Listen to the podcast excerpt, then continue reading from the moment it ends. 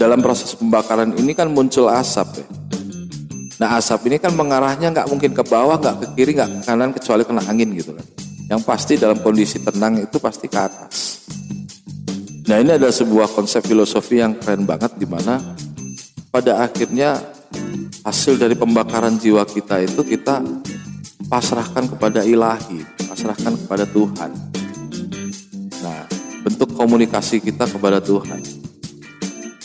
Jadi bahwa proses pembakaran ini adalah bentuk komunikasi kita bahwa kita belajar untuk ikhlas. Let's go. This is your radio. Your.